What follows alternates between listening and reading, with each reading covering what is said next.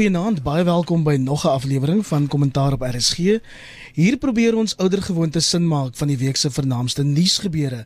En vanaand bespreek ons die ANC se topprioriteite aan die hand van die party se Januarie 8 verklaring.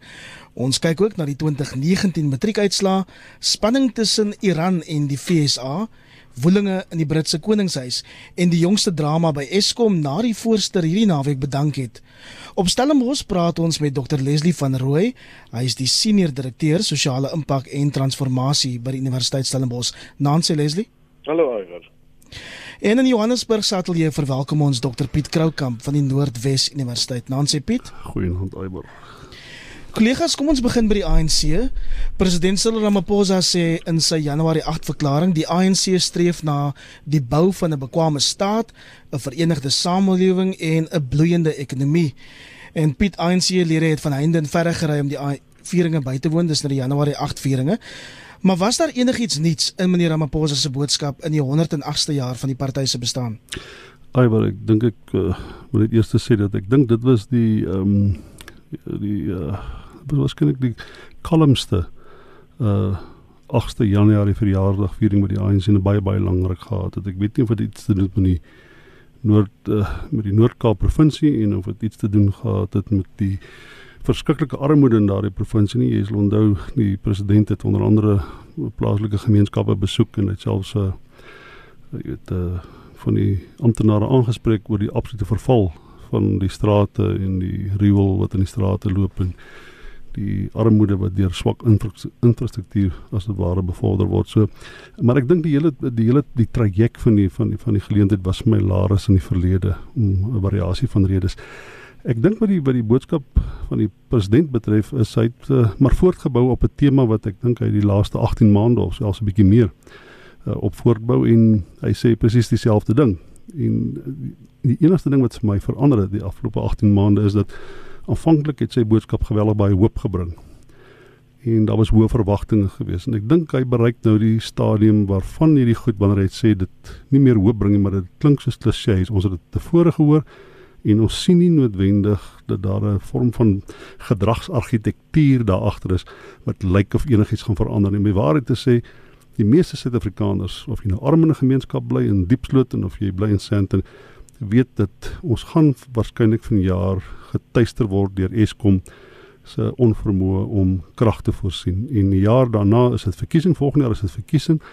En daardie verskynsel kan 'n geweldige groot rol speel, veral in informele nedersettings of in arm gebiede in mense se gedragspatrone wat stemme betref. So ek dink baie van die goed wat die president gesê het, het nie verlede hoop gebring. Ek weet nie of dit nog vir mense hoop bring. Ek dink daar's 'n sinisme en 'n skeptisisme besig wat besig is om in te tree wat ons ek weet nie ek dink ons glo nie meer die president nie.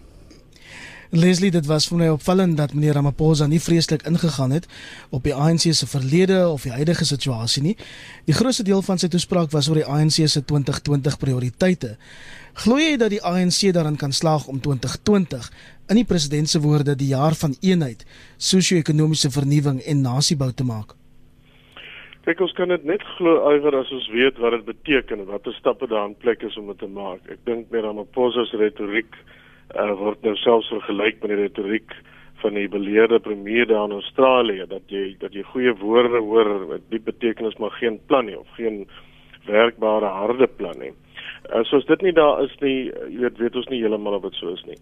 Maar ek dink nie heeltemal uh, jy weet 'n mens moet uit 'n toespraak uit alleen op so 'n geleentheid gegee die aard van die geleentheid uh en dan spesifiek nou die oop op die geleentheid dink ek nie mense moet te veel uit 'n toespraak uit leer nie. Ek dink daar's 'n klomp ander goed wat wat agter skerms moet gebeur en hopelik sal gebeur. Ek dink die frustrasie uh en amper die ongeloof waarna Piet verwys is omdat ons nie genoeg daarvan sien of beleef nie.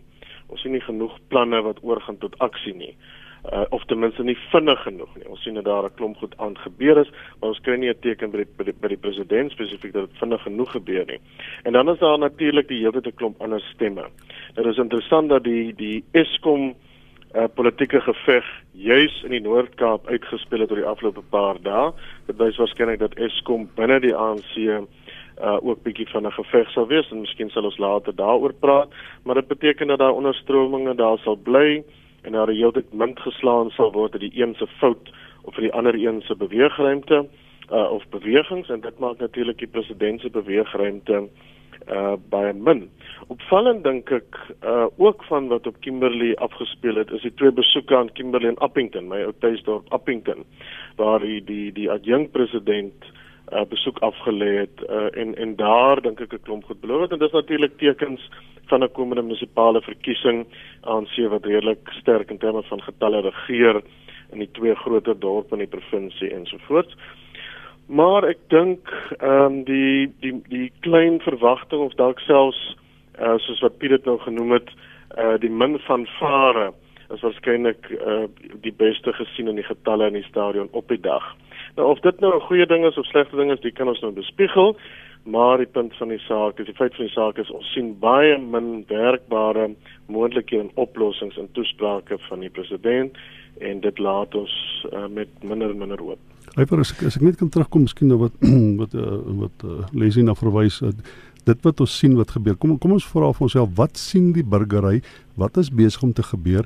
Wat 'n verandering is van dit wat Jacob Zuma gedoen het of wat daarop dui dat dit uiteindelik beter gaan gaan in Suid-Afrika. Nou ons kan sê dat die nasionale vervolgingsgesag het 'n nuwe hoof. Daar's nog omtrent niemand vervolg werklik wat van die groot politici nie. Ons kan sê dat uh daar's bepaalde aanstellings gemaak uh binne die staatsdiens, uh, nuwe rade vir uh, staatsondernemings. Ons sien nog nie enkele staatsonderneming wat beter bestuur word nie. Baie van die veranderinge is kan mense na as kosmeties verwys omdat daar nie werklik impak is in terme van wat moet gebeur nie. As jy vir die man in die straat vra, en dis 'n belangrike vraag vir hom, wat het verander? Is daar bitter min Suid-Afrikaners wat vir jou gesê enigiets het verander? Ons het 'n nuwe president, maar die persepsie dat hy magteloos is, dat hy vasgevang is binne die stryde wat binne die ANC woed, dat daar dat David Mabuza toenemend weer begin om 'n greep te kry op wat die president ook al sê. As jy as jy mooi kyk uh, die die bedanking van van Jabu Mabuza by by Eskom. Dit was na uh, noem dit nou maar onder ons ewe dispuut of 'n uitspraak gewees van die van die adjunkt president wat 'n spesifieke vyand eintlik of 'n teenstander van die president is as hierdie persoon af of hierdie persoon besluit om te bedank om redes wat nie normaalweg gebeur in Suid-Afrikaanse politieke mens moet vir jou vra wat het daar agter gebeur. En net daarna het die president gesê maar daar is geen verskil tussen my en my primêre opponent of dan my adjunkt president nie. Iets is besig om te gebeur wat nie konstruktief is in Suid-Afrikaanse politiek nie en as die burgery daarna kyk Hulle sien niks wat besig is om te verander nie. Ek en jy wat ontleeders is, kan sê ja, maar hier is iemand aangestel en daar is 'n bepaalde instelling wat effe versterk is. Die feit bestaan is nog niks het verander vir die meeste mense. Die waarheid is ons die laaste 18 maande het ekonomiese groei het verder verlangsaam. Die waarskynlikheid van ekonomiese groei is nog laer en werkloosheid is nog hoër. Meer mense is op toelaas. Daar het die laaste 18 maande onder president Ramaphosa die dinge verswak en alle eerlikheid ek dink hy's in 'n swakker posisie as wat hy 18 maande gelede was. Leslie meneer Ramaphosa het basies dan 18 maande gehad om sy politieke basis te bou. Hoe sien jy sy kansse vir politieke oorlewing? Ja, dit is die groot vraag. Ek ek dink dit gaan 'n baie interessante jaar natuurlik meer dan Maposa wees. Ek dink daar's 'n klomp goed wat in die lug gaan hang wat gebruik word as politieke speelballe. Eskom is beslis een van hulle wat met die die semi-staatsinstellings aan gebeur sal op die agenda bly en so. Maar uiteindelik is dit die adjunkt president wat ewe skielik weer 'n stem het uh, en hy was so baie lank redelik stil. Daar was bespiegelinge dat hy dalk siek is en dat hy dalk nie veel van 'n rol sal speel en ewe skielik het ons nou oor die naweek uh met die die koms na Kimberley in Noord-Kaap gesien dat hy dat hy weer 'n stem het en daar is allerlei tekens daaroor. Ek dink wat in die Eskom raad gaan gebeur en en wat die uitkoms uiteindelik daarvan is gaan ook bepalend wees. Dis baie duidelik dat die gevegte nie minder is nie. Uh al wat meer Ramaphosa kan hoop is dat daar genoeg aan sy kant is om seker te maak dat hy voort kan stoei, maar dan moet ons tekens sien van iets wat gaan gebeur en kan gebeur en daai tekens is min. Intussen moet die ANC nou begin voorberei vir die, die komende uh, uh, munisipale verkiesing, plaaslike verkiesings. So daar sal 'n ander stel wetywering waarskynlik ook plaasvind, maar ek stem saam met Piet. Ek dink in Suid-Afrika sien ons baie min van diepgaande verandering. Nou natuurlik is die vraag kies ons hierdie president bo die vorige een? Ek dink die mees uh, ek ek vermoed ek sal sê ja, kies hierdie een uh, bo die vorige president maar uh, uiteindelik moet dit beteken dat daar werkbaar 'n beter Suid-Afrika op die op die tafel is. Kyk kyk kyk wat kyk ook wat Tito Mboweni op Twitter die laaste paar dae gesê. Die algemene persepsie is dat hy gesê het um, ons sal met radikale veranderinge moet aanbring in die infrastruktuur van hoe ons goed bestuur. Met ander woorde, hy tot iemand hy het met iemand gepraat toe hy het sê. Nou die idee is dat Sinema het met die algemene bevolking gedoen want hy het gepraat want hy het dit op Twitter gesê. Die volgende ding is dat hy miskien het hy gepraat met met die president. Hy het ook vir Ramaphosa gesê ons sal radikale goed moet doen. Ek dink hy het ook gepraat met Pravin Gordhan en ook vir hom gesê jy is deel van die probleem eerder as deel van die oplossing want dit is baie duidelik dat Pravin Gordhan dink dat staatsinstellings kan deur die staat beter bestuur word. Ons moet hulle die geleentheid bied maar die Moody's sê vir ons julle het nie meer die tyd nie. En Tito Mboweni wie hy glo vir Moody's hy sê vir ons ons sal afgradeer word en ons sal geoordeel word in terme van wat ons doen met strategiese veranderinge binne in die manier hoe ons bestuur Dis duidelike Tito Mboweni praat met sy kabinetskollegas. Hy praat met die president, hy praat met Pravin Gordhan en hy praat baie baie spesifiek met Gwedi Mantashe. En as jy mooi dink, al drie hierdie here op wie ons vertroue geskoei is om 'n beter Suid-Afrika te bou na die Zuma teater.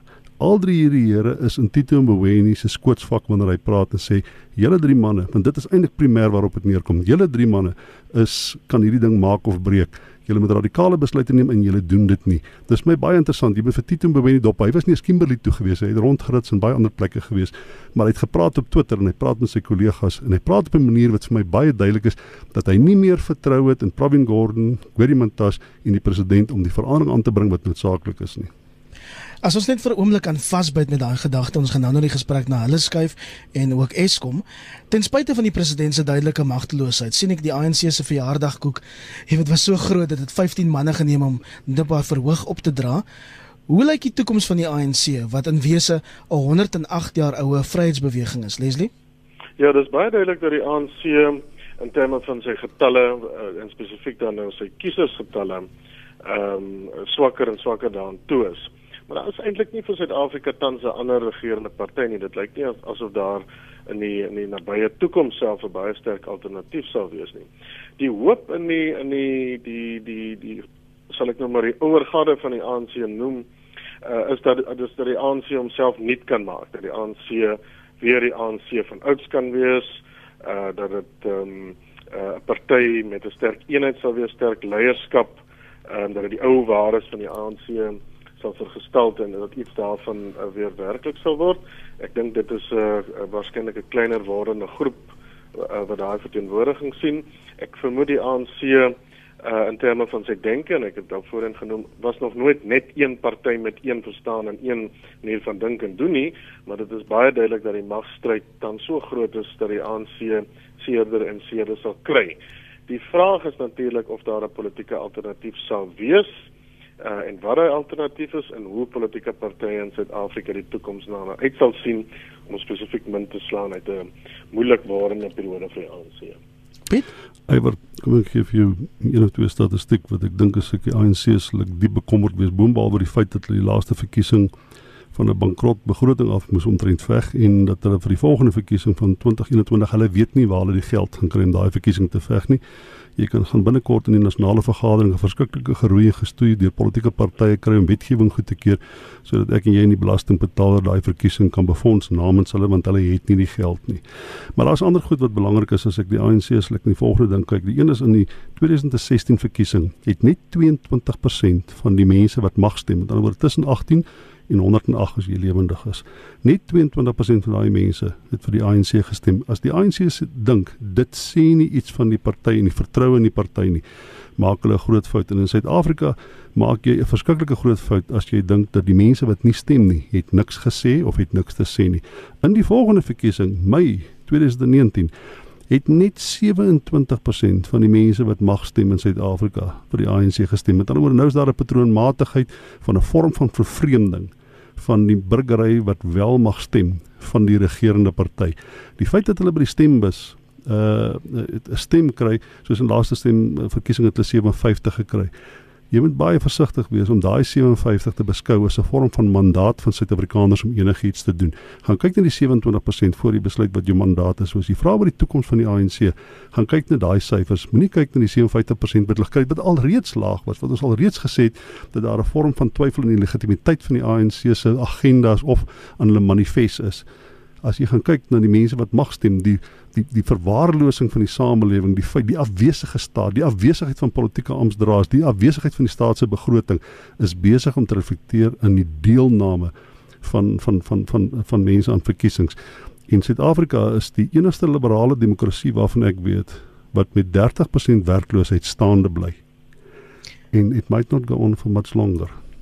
En dan moet ons ook vir mekaar sê dis 'n party wat in die laaste 2 maande selfs gesukkel het om die mense in hulle eie kantoor te betaal. Presies. Alhoewel meneer Ramaphosa nie die onderwerp van die elektrisiteitskrisis kon vermy nie, het hy sy opmerkings oor die kragkrisis beperk tot 'n paar opwindende opmerkings waarin hy die herlewing van Suid-Afrika se kragvoorsiener beloof het. Maar Leslie het wel geswyg oor die bedanking die naweek van die Eskom voorsteur Jabu Mabuza. En meneer Mabuza sê hy bedank omdat hy die land en die president in die steek gelaat het. Dis nou toe hy beloof het dat daar geen beerdkrag tot die 13de Januarie sou wees nie, 'n belofte wat meneer Ramaphosa toe in Desember aan die res van ons die nasie oorgedra het.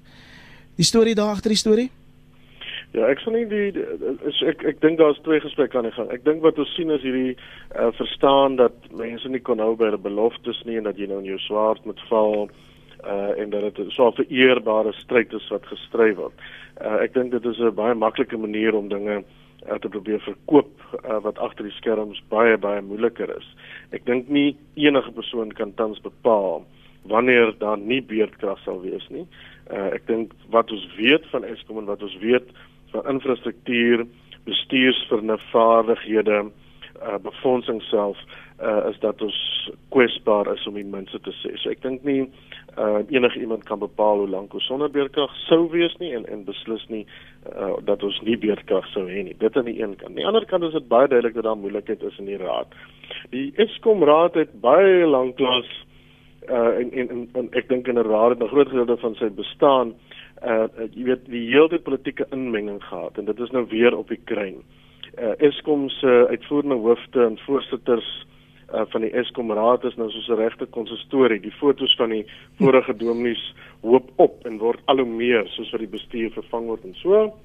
En nou lyk dit of daar of daar weer 'n raadsverandering sal moet wees. Dis 'n raad wat uit ehm um, uh, baie verteenwoordigers of aandeelhouers bestaan, natuurlike invloed van die Unis, Pravin Gordhan, uh het 'n redelike sê in in nie net in in in aanstellingsmondeling maar ook in wat prioriteit prioriteit moet wees wat geprioritiseer moet word en so sodat die hele gevegte oor die hoe en wat en wie ook al.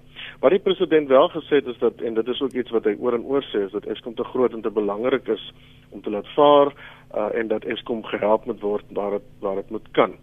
Ek vermoed daar dit gaan 'n rowwe paar weke wees rondom spesifiek die Eskom raad om te bepaal wie na raad moet dien as aanduidings aanduidings dat die raad sal moet skuif of moet verander of dat daar ander gesigte sal moet wees. Dis 'n wetywering oor oor wie meer mag moet hê. Daar's baie op die spel. Uh natuurlik vir die unies ehm um, gaan dit ook oor werk. Uh daar's natuurlik geld op die uh, spel, kontrakte, die moontlikhede wat Eskom skep uh vir baie Suid-Afrikaners wat letterlik skep uit Eskom uit. En natuurlik ehm um, aan die uh, positiewe kant ek dink uh, dit is wat jy na verwys wat die president genoem het bly daar die moontlikheid van uh, private skaffing van energie groen energie ander bronne van energie en so maar dit blyk baie beperk en kort ek dink daar is 'n moeilike stryd aan die gang in Eskom dis krisistyd Daar's allerlei planne op die tafel. Dis onseker of die planne implementeerbaar is. Dis baie duidelik dat daar meer as een stem gehoor moet word, dat daar harde stemme is en dat daar 'n gevoel is uh dat Eskom eintlik nie sy werk kan verrig nie omdat daar die hele tyd inmenging is van verskeie kante. Ek dink dit verstaan meneer Maposa goed en ek dink ek sou soos hy baie min oor die naweek sê oor Eskom en spesifiek die raad juis omdat daar harde stemme van die jong president gekom het uh en dat die bedanking van die raadsvoorsitter beslis nie ongevoelig was nie en beslis nie iets is uh wat nie harde slaas slaan oor wat vorentoe nog moet gebeur nie. So Piet Kosato dan ook die naweek geëis dat minister Pravin Gordhan die trekpas moet kry. En ek sien Max de Pre sê hy op Twitter as hy Pravin was, ehm um, het hy die ANC die middelvinger gegee, afgetree. En dit lyk nou of hulle Eskom onder Gwedimantashi wil inskuif. Ja, daar sprake daarvan in een van die ehm um, persone teenwoorde van Kosato Lossie wat saam met die president uh, op die verhoog was word beskou as 'n vriend van die president. En Kosato soos jy weet uh, is nie net teen die die die die ehm um, privatisering van van Eskom nie. Hy is hulle is basies ehm uh, uh teen die privatisering van enige vorm van van energie. Die die feit bestaan is is nie asof ons sonder oplossing sit nie. Uh as jy uh, die pad loop wat die president sê maar ons sal Eskom op 'n of ander manier transformeer en ons hom herbou en ons sal uiteindelik uh, sal hy sy funksie kan vervul. Sê net maar die president doen wat hy moet doen in daai opsig. Hulle raak stelselmatig van mense ontslaa, hulle breek uh, Eskom in 3 op. Dit is 'n dis 'n minimum van 'n 5 jaar projek. Minimum van 'n 5 jaar. Wat beteken dit ons gaan vir 5 jaar gaan ons kragonderbrekings hê die myne, die meeste myne in Suid-Afrika kan nie mense afstuur ondertoe nie want jy kan nie daai mynwerkers beloof jy gaan hulle terugbring nie. So die myne kan die mense afstuur, die, die industrie kom tot stilstand, die mynbedryf kom tot stilstand, die vervaardigingssektor in Suid-Afrika is geweldig afhanklik van die mynbedryf, die vervaardigingssektor kom tot stilstand. As jy die 5 jaar opsie kies, dis presies wat gaan gebeur. Vir die volgende 5 jaar gaan dit dit dis dis die worst case scenario. As die president en vir Gwedi Mantas en sy bokkiebaard nadersleep is 'n luisterman daar's die, die oplossing is hier. Laat die mynbedryf toe om hulle eie energie te genereer. Laat vervaardigingssektore wat kan hulle eie energie uh, reguleer. Laat die mense op genereer. Laat mense wat panele op hulle dakke wil sit so gou moontlik doen en die surplus energie terug in die grid insit.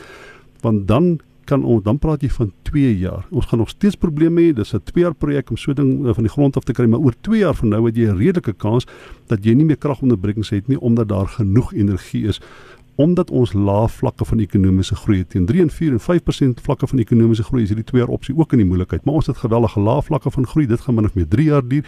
So ons het op 'n ironiese bitter manier dit ons 'n vensterperiode waarbinne ons praktiese goed kan doen wat inderdaad die probleem kan kan aanspreek. Maar jy sit met die met Lossie van Kusatu wat die president se vriend is en jy sit met die Mintas wat uit die vakbondbeweging uitkom en hulle verseg om te doen wat voor die hand liggend is wat 'n moontlike korttermyn oplossing kan wees. Nou dit is ideologie. Die ANC is vasgevang in 'n ideologiese stryd in die binnekant wat dit onmoontlik maak om te doen wat hulle moet doen en dit skep die indruk by die president by Gwedi Mintas, waarskynlik by Pravin Gordhan dat om niks te doen nie is 'n opsie jy kan of radikale goed doen of jy kan die, die regte ding doen of jy kan die verkeerde ding ding doen of jy kan niks doen. Op hierdie stadium lyk dit asof die president so vasgevang is in die in die spotlights dat hy dink niks doen is 'n opsie en niks doen is nie 'n opsie nie want ek kan nou vir jou sê ons gaan hierdie einde van hierdie jaar sal ons afgradeer wees deur die internasionale ratingsagensies en dit gaan geweldige konsekwensies vir ons hê. En ons kan dit dalk verhoed. Ek dink ons baie onwaarskynlik dit ons kan verhoed. Ons kan dit dalk verhoed as ons vir hulle kan sê man ons is 'n jaar reeds in die gang om hierdie ding om te draai binne die uh, volgende 24 of volgende 16 18 maande is dit sodat ons sal genoeg energie waarop ons weer 'n groeiende ekonomie kan bou. En Tito Mboweni sê duidelik rommelstatus is ons voorland. Tito Mboweni sê dit duidelik. Hy sê dit vir hy, hy sê dit vir ons want hy praat elke dag met Moody's. Hy praat met Standard & Poor's. Hulle sê vir hom wat dit gaan vereis om dit af te weer. Hy weet presies. Hy het die laaste 18 maande het hy gereeld vergaderings met hulle gehad. Uh, Ramaphosa het bygesit in daai vergaderings. Pravin Gordhan was in daai vergaderings. Van sommige van daai vergaderings was was Gwedi Mantashe ook. Hierdie mense sê vir dis asof Gwedi Mantashe dieselfde is in Ombulu Mokonyane dink jy kan die rand net weer optel. Jy kan hom nie net weer optel nie. Ons gaan daar moedvol staan vanaand uh, met die gesprek oor Eskom. Ons praat al weke lank daaroor en ek vermoed ons gaan volgende week weer daaroor praat want dit lyk um, dat daar 'n aankondiging die week sal kom oor die opvolger vir Jabu Mabuza. Van Eskom tot die bekendmaking van die 2019 matriekuitslae, die meer as 800 000 matrikulante wat die eksamen geslaag het, is dan nou 3% beter as die vorige jaar. Dis ook die eerste keer dat die gekombineerde slaagsyfer van al die provinsies die 80% merk oorskry. Maar lees nie baie kenners reken die ware slaagsyfer is eintlik 42%. Dis nou as mense in ag neem hoeveel leerders in 2009 in graad 2 was. Hoe voel jy oor die klas van 2019 se prestasie? Ja, dit is natuurlik kenners is Nick Paul en Jonathan Jansen wat baie sterk voel dat ons dit meer moet meet dan die 42% merk eerder. En dit hang natuurlik af hoe mense die uitslae wil meet. As jy sê wil meet op die wat die matriekjaar verlede jaar begin het en geslaag het dan as die die die die persentasiepunt soos ons dit het oor 81% as jy dit anders wil meet uh, is dit 42. Ek dink uh, dis 'n 'n punt of 'n persentasie wat baie fyner uh, ontleed moet word. Ek dink dis belangrik om 'n klomp ander faktore in te in ag te neem en ten minste te oorweeg. Ehm uh, binne die provinsie self is daar is daar steeds skole wat met 'n 0% slaagsyfer uh, uh leerders die afgrond instuur Limpopo is daar baie skole dit moet ontleed word die die uh, persentasiepunte slaagpunte en selfs deelname aan wiskunde en wetenskap. Dit moet baie spesifiek ontleed word. Tale natuurlik en die invloed van van ehm um, moedertaalonderrig en so dit moet gemeet word en bepaal word en natuurlik moet die die die die idee dat leerders gereed gemaak moet word vir 'n fase na skool konstant in ag geneem word. So punte is nie maar net punte nie. Ek dink daar's allerlei waarskuwings uh dat punte op maniere deur skole uh bereken word of dat leerders gereed gekry moet word bloot om eksamen te slaag en die skool laat goed lyk en so dit uh, moet mens verder ontleed op bepaal wat so is maar ek dink dit is goed vir ons om om post 94 uh ook uh jy weet die 80% plus merk veral in die provinsies uh te kan haal. Uh ek dink ons moet onsself herinner dat ons uh, uh baie onlangs nog verskillende eksamens geskryf het en verskillende vraestelle geskryf het en dat ons ten minste vorder uh wat 'n nasionale sertifikaat betref en so. Ek dink daar's goeie tekens dat daar moeite op voedselvlak gedoen word basisvlak in laerskole uh om te verseker dat daar 'n groei is in skooldeelname en die retensiekoers in skole, maar dit bly krities laag en en krities min. En dan dink ek moet mense dan ook uh gelyk gee waar mense moet gelyk gee. Ek dink daar's um, wonderlike onderwysers wat wonderlike werk doen. Ek dink die storie van Margaret Kloete in Hoërskool Esa van Wyk by te Springbok het ons almal aangegryp hierdie week wat ehm um, ten spyte van moeilike omstandighede ongelooflik baie moeite gedoen het en en daai prentjie en beeld en verstaan kry mens reg deur ehm uh, die Suid-Afrikaanse skoolkonteks.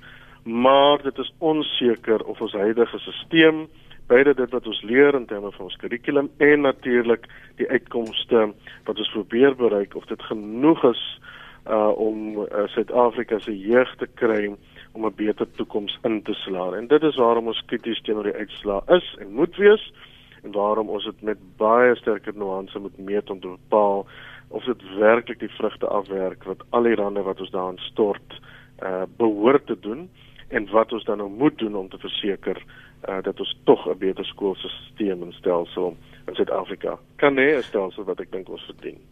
En of die stelsel in die heel beste belang van die leerders is, Piet. Natuurlik ja. Ja, ek so 'n ding is wat my elke jaar verveel, dan is dit uh, wanneer mense sê maar die werklike slaagsyfer is 42%. Die werklike deurvoersyfer is 42%. Die slaagsyfer is 83%. As jy wil verstaan wat aangaan, moet jy die ding noem wat dit is en moenie vir ideologiese of politieke redes of 'n poging te wys hoe swak ons onderwysstelsel is nie. En ons het probleme, ons geweldige probleme. Syfers moet op op, op, op een of ander manier konflik of weet verwar met mekaar. Ons deurvoersyfer sê net maar as 42% in die deurvoersyfer slaag 42%. Dit dit is so. In die Wes-Kaap is dit hoër, is hier by 56%. In Gauteng is dit 49%. Party provinsies is nou baie swakker. So kom ons lees die syfers wat dit is as ons wil weet wat die wat die werklike probleem is. Die vraag of ons mense voorberei vir die groter wêreld daar buite die vereistes van die ekonomie. Daai vraag word omtrent in elke land wat ek ken word daai vraag gevra. En sonder uitsondering is daar ernstige twyfel of in die Britse stelsel of die skooliere wat daar klaarmaak aan die einde van 'n skoolloopbaan of hulle werklik toepaslik aangewend kan word in die ekonomie. Die die die werklikheid in die waarheid is ons weet nie hoe die ekonomie lyk nie, ons weet nie oor 5 jaar gaan lyk nie en ek dink nie dis moontlik om mense spesifiek vir die ekonomie voor te berei nie. Jy kan mense net voorberei om aanpasbaar te wees sodat hulle wat ook al die aard van die ekonomie of die vereistes van die ekonomie is, uiteindelik te kan inskakel en deur voortdurende opleiding 'n bydrae kan maak tot die ekonomie. Maar ek dink die vraag kan gevra word of wat is die kwaliteit van ons onderwys en opleiding in Suid-Afrika in die breë trek? En 'n mens moet sê indien daar sê net maar die uh, kinders wat aan die einde van graad 10 skool verlaat, indien daar behoorlike infrastruktuur en fasiliteite was vir hulle om heropgelei te word of opgelei te word om bepaalde funksies in die, in in in die, in die ekonomie te verrig met ander woorde soos loodgieters of locksmiths of wat ook al sny indien daar so effektiewe stelsel was, dan is dit nie so 'n probleem dat jy sit met 'n deurvoersyfer van slegs 56% nie. Dit is net 'n probleem as daardie kinders op 'n of ander manier geen heenkome vind in die ekonomie daarna nie. En ek dink dit is waarna ons moet kyk. Wat word van kinders uh wanneer hulle uiteindelik sê net maar aan die einde van graad 10 die skool verlaat. Die ander ding is met die 30%, die 30% wat mense gebruik as 'n politieke kwas wat hulle nou almal probeer uh, verf in die, in ons onderwysstelsel. Ek het nie so 'n probleem dat uh, kinders vir party vakke 30 kry nie, maar jy moet jy moet ook nie 30 kry om deur te kom nie. Die slaagsyfer dink ek is 40%. Met ander jy moet in ander vakke beter doen en opmaak vir die feit dat jy in een of dalk 'n tweede vak 30% gekry het. Terloops ek het ook 30% vir 'n vak gekry matriek. Ek het 33% gekry vir wiskunde, maar Ek maar wil nie sê wat daarmee ek nie. Wil nie sê wat ek onderskeidings gekry. Leslie kortliks om saam te vat voor ons aanbeweeg. Ek dink al die ek ek dink Piet is heeltemal reg. Die moontlikhede vir die Suid-Afrikaanse ekonomie om jong Suid-Afrikaners op te neem en die geleentheid te bied om 'n rol te kan speel in die land is opgesluit in onderwys.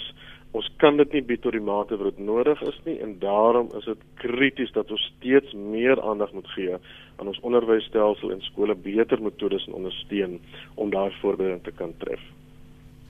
As jy sopas by ons ingeskakel het, jy luister na 'n regstreekse uitsending van Kommentaar en ons skuif nou na die fokus na spanning tussen die FSA en Iran en dis na die dood van Qasem Soleimani, die bevelvoerder van Iran se buitelandse legioen. En om die spanning te vererger, vererger het Iran enkele dae gelede ook erken dat hy per ongeluk 'n vliegtyg met 176 mense afgeskiet het en dit is 'n daad wat Iran self as onvergeefbaar beskryf. Leslie, wat gebeur volgende? Dit lyk of daar 'n bietjie van 'n spreekwoordelike skietstilstand is. Ja. Dit is ehm um, ja, ek dink dit is sleg vir almal internasionaal dat Iran so lank gevat het om te bevestig dat dit inderdaad sy magte is wat die vliegtuig afgeskiet het. Intussen het spanning lyk my in Iran opgeloop uh, en is die Iranese self ook nogal omgekrap oor wat gebeur het. Uh, dit plaas enige persoon wat dreig om 'n oorlog te begin in 'n baie moeilike posisie. As jy nie die morele oorhand het nie of jy veg nie vir wat as absoluut reg beskou word deur die mense aan jou kant nie, dan is jy in 'n moeilike posisie en dit is presies waar Iran is.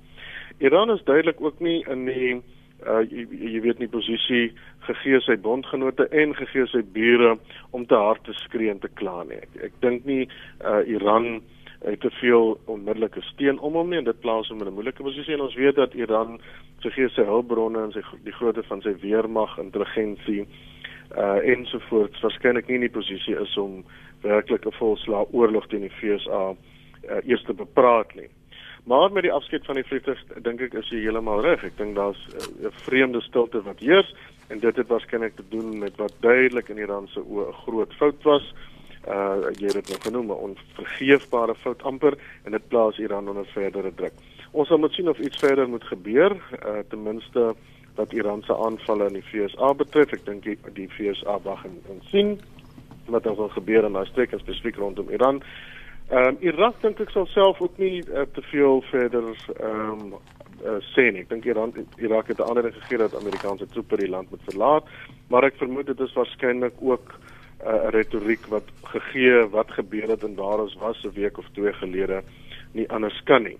Maar ehm um, ek dink uh, die diegene van ons wat 'n derde wêreldoorlog voorspel het, moet dalk 'n bietjie langer wag uh om dit werklik te sien. Ek dink nie dit is tans meer op die kaart nie. Ja, Ja, dis wat- wat- pragtige wat- millennials wat nogal gewag het vir die wêreldoorlog. President Donald Trump het in sy toespraak hierdie week gesê die Verenigde State soek nie eskalasie met Iran nie. Ehm um, wat is Trump se voornemens vir die Midde-Ooste? Wel ek dink eh, een van die redes hoekom hy nie eskalasie met Iran soek nie, is dat hy het nie noodwendig die steun van sy Europese bondgenote vir wat hy ook al wil doen nie. Die waarheid te sê, dit lyk nie of hy eers kan staat maak ten volle op NATO om hom te ondersteun sou daar 'n eskalasie van uh konflik uh, wees nie. En ehm um, uh ek dink dit is uh, wat wat vir my baie interessant gewees dat die Amerikaners het op 'n stadium na die uh, Iranese nou hulle basis aangeval het met 'n paar vuurpille te sê hulle nee goed dit lyk asof die Iranese nou terugstaan. So hulle dink dit is min of meer noem dit nou maar 'n stalemate wat nou ontstaan het en die Amerikaners is heeltemal tevrede met die situasie. Maar eintlik was dit 'n verloor verloor vir beide daai samelewings want die Iranese sukkel nou om 'n groot deel van van uh die hulle eie gemeenskappe te te bestuur uh, wat in, in opstande studente wat opstande veroorsaak in Teheran en die Amerikaners kan nou maar weet daar is nie 'n uh, oorlog kan vir Trump nou 'n verkiesing kos nie. Verlede het ons altyd gesê en hy het dit self gesê van George Bush dat uh, dis 'n kort voor 'n voor 'n voor 'n voor 'n voor 'n verkiesing as jy oorlog maak dat jy uh, weet 'n gebaarborgde oorwinning omtrent in so 'n verkiesing. Ek is nie seker dat die Amerikaners die maag het om in Teheran of in Iran of in die Midde-Ooste of enige plek in 'n oorlog verder betrokke te raak. Uh daar's nie meer 'n ek dink nie meer 'n mens moet eintlik vir Theo Venter vra, hy's mos die Amerikaanse ekspert, maar ek dink nie daar's meer 'n politieke voordeel daaraan om in 'n oorlog betrokke te raak soos wat daar was tydens Bush se administrasie nie. Van die FSA na Brittanje waar die koningshuis môre 'n noodvergadering hou, dit na prins Harry en sy vrou, die aktrise Meghan Markle, se onverwagse aankondiging dat hulle uittreë as seniorlede van die koninklike familie om eerder finansiëel onafhanklik te wees. In die Britse media reken dit gaan lei tot 'n dram dramatiese verandering um, in die koningshuis. Die implikasies hiervan, um, Leslie Ja, ek weet nie die implikasies vir vir Mary vir, vir Harry en Meghan is waarskynlik groter as vir enige een van ons. Ek dink die afgelope periode was dit baie duidelik dat die die die die, die paartjie besluit het dat hulle 'n kleiner rol sal wil speel en dat hulle waarskynlik ook 'n private, meer private lewe sou wou leef anders as wat uh, Harry se broer William uh, sou doen. Uh, William natuurlik baie nader aan die opvolg van die troonsage as as wat Harry is. Ek dink onleerders sou waarskynlik ook sê dat Harry en, en Meghan die afgelope periode of daar selfs nooit 'n aanleiding was uh, dat hulle so 'n groot rol speel as wat ons dalk uh van hulle verwag as die as die media en die en die publiek nie. Maar vir Suid-Afrikaners is dit natuurlik die koningin van die van ons harte se kinders uh, en daai idee dink ek slaan diep. Uh, dit is baie duidelik dat die twee boeties sukkel om mekaar te verstaan, uh, dat leefwyse verskil, dat verstaan van koninklike posisie en mandate uh, verskil en ek dink ouma sal waarskynlik ouma en pa sal waarskynlik môre en in die week probeer om te versoen en probeer om 'n rol uit te kerf en, en te kap maar uh, dit is baie duidelik dat um, uh, ten minste wat hulle huwelik en 'n gesin betref 'n privaater lewe uh op die spel is. Maar soos ek sê die implikasies is baie groot vir hulle gegee hulle status uh, binne die belastingstelsel van die Verenigde Koninkryk hulle voorregte en so om uit te tree het redelike implikasies. Uh vir die res van ons dink ek is dit 'n uh, sprokiesverhaal waaroor daar nog baie gelees en geskryf sou kon word en dis al implikasie wat ek dink groot genoeg is vir ons om te volg. 'n Mens kry tog ook die indruk dat daar planne is van die Britse koning self om om daai hele storie dramaties te verklein. Mense het nie al hierdie koninklikes nodig nie en dit lyk of prins Charles dit dryf. Dink jy die Britte is besig om hulle aptyd vir die koningshuis te verloor? Ehm um, Piet?